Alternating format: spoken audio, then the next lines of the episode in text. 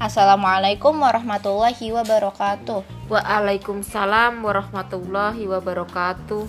Saya Rina Adi Bahasmoro dari SMP ITLHI.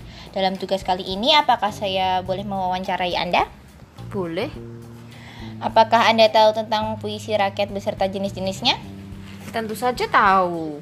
Puisi rakyat itu adalah kesusastraan rakyat yang sudah ada aturannya, terdiri dari syair, pantun, dan gurindam. Syair itu ada empat baris, kalau gurindam ada dua baris, sedangkan pantun ada dua sampiran dan dua isi. Menurut Anda, apa itu warisan budaya?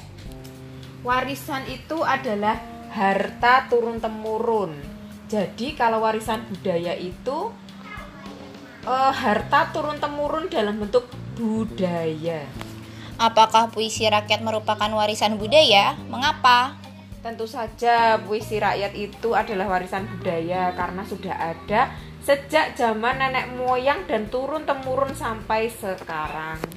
Apakah Anda dulu mempelajari pantun, syair, atau gurindam? Ya, saya pelajari waktu SD, kalau tidak waktu SMP. Bisakah Anda memberikan satu contoh pantun? Contoh pantun bisa hmm, mengayuh sepeda di pagi hari, menikmati sejuknya udara desa. Tuntutlah ilmu setiap hari agar berguna bagi bangsa. Wow. Menurut Anda, apa yang bisa dilakukan untuk menjaga warisan budaya ini tetap terjaga sampai generasi-generasi berikutnya? Um, tentu saja dengan melestarikan, terus mempelajari, dan meneruskan kepada anak cucu.